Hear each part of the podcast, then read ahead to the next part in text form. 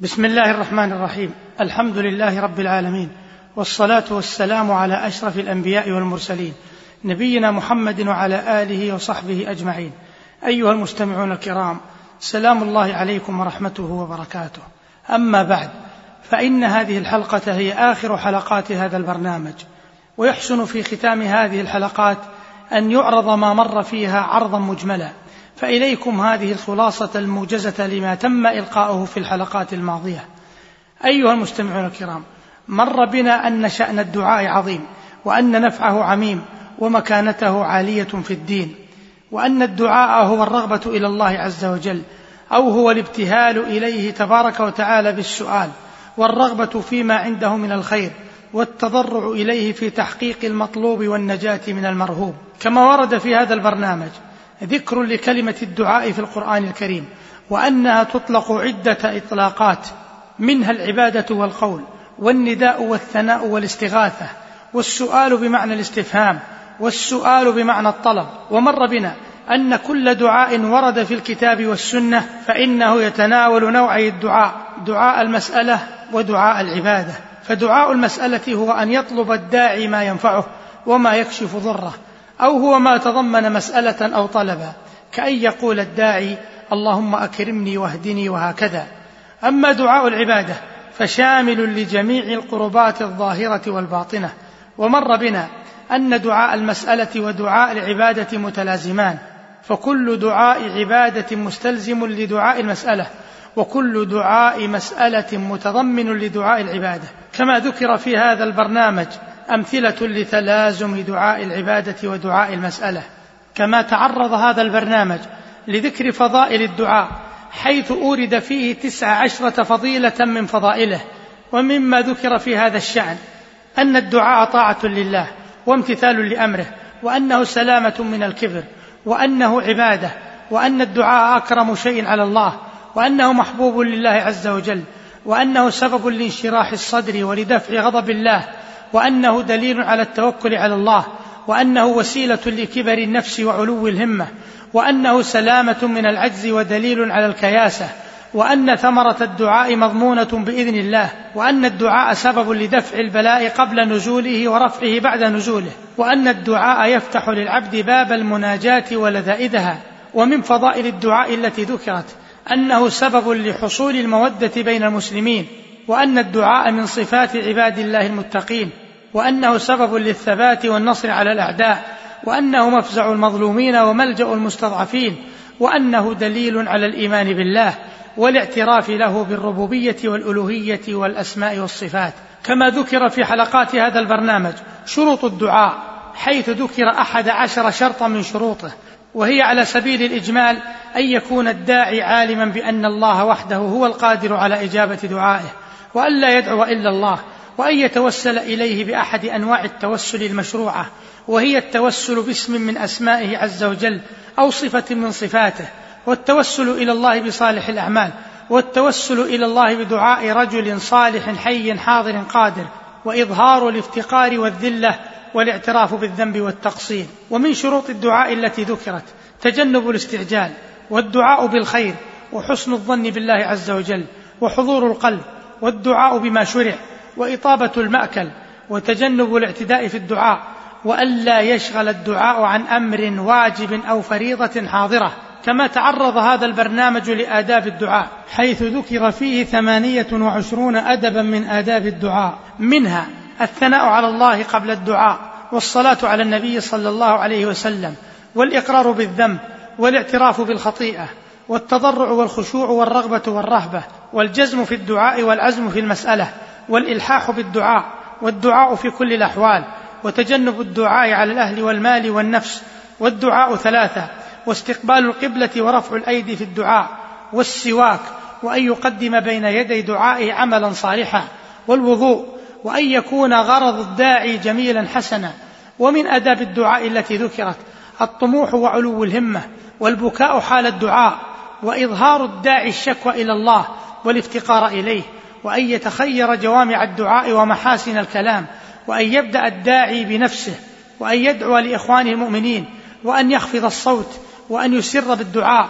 وأن لا يتكلف السجع والإعراب وألا يدعو بانتشار المعاصي ومن آداب الدعاء التي ذكرت اختيار الاسم المناسب أو الصفة المناسبة حال الدعاء وألا يحجر رحمة الله وأن يؤمن على الدعاء من قبل المستمع وأن يسأل الداعي الله كل صغيرة وكبيرة.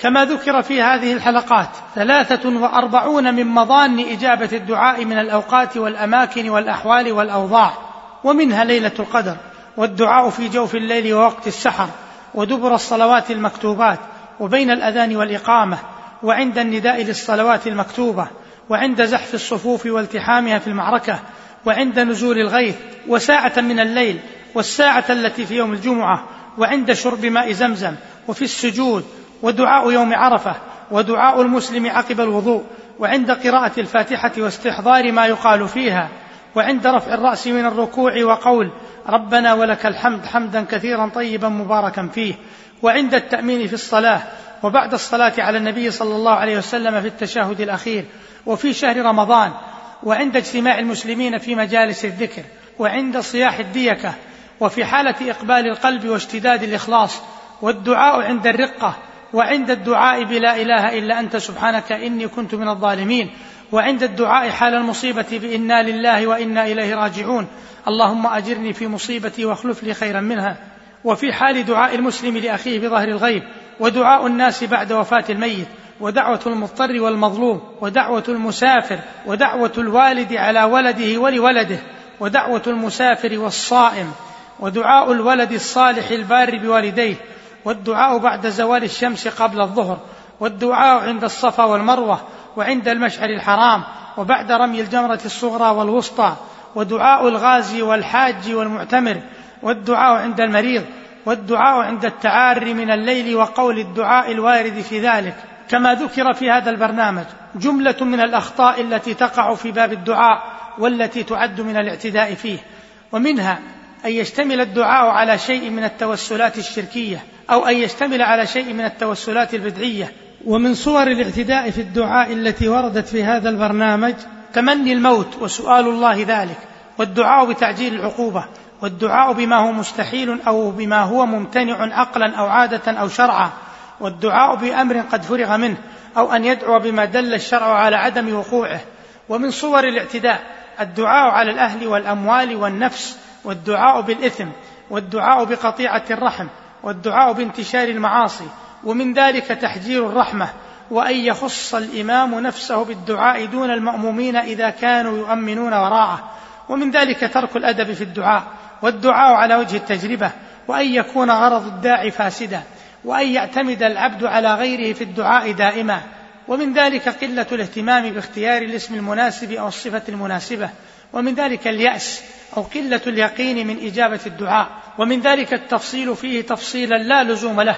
ومن ذلك دعاء الله بأسماء لم ترد في الكتاب والسنة.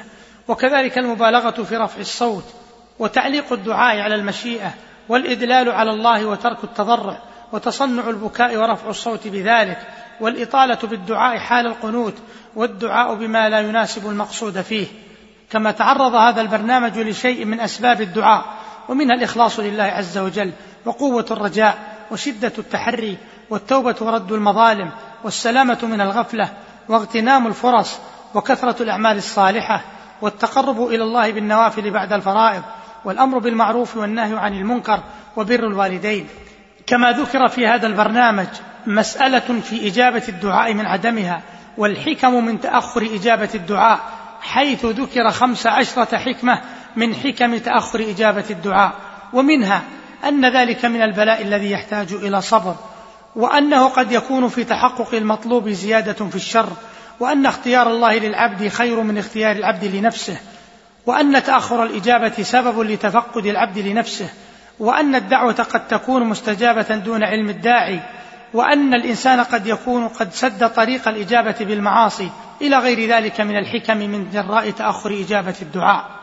كما تعرض في هذا البرنامج لذكر أحاديث ضعيفة وموضوعة في الدعاء ومنها إذا أعيتكم الأمور فعليكم بأهل القبور أو فاستعينوا بأهل القبور ومنها إذا سألتم الله فاسألوه بجاهي فإن جاهي عند الله عظيم. ومنها حسبي من سؤالي علمه بحالي ومنها الدعاء سلاح المؤمن وعماد الدين ونور السماوات والأرض إلى غير ذلك مما ورد. كما تعرض في هذا البرنامج لنماذج لأدعية قرآنية ونبوية ولبعض القصص في هذا السياق. وفي خاتمة هذا البرنامج أسأل الله بأسمائه الحسنى وصفاته العلى أن ينفعنا بما نقول ونسمع وأن يجعلنا مفاتيح للخير مغاليق للشر مباركين أينما كنا والسلام عليكم ورحمة الله وبركاته وصلى الله وسلم على نبينا محمد.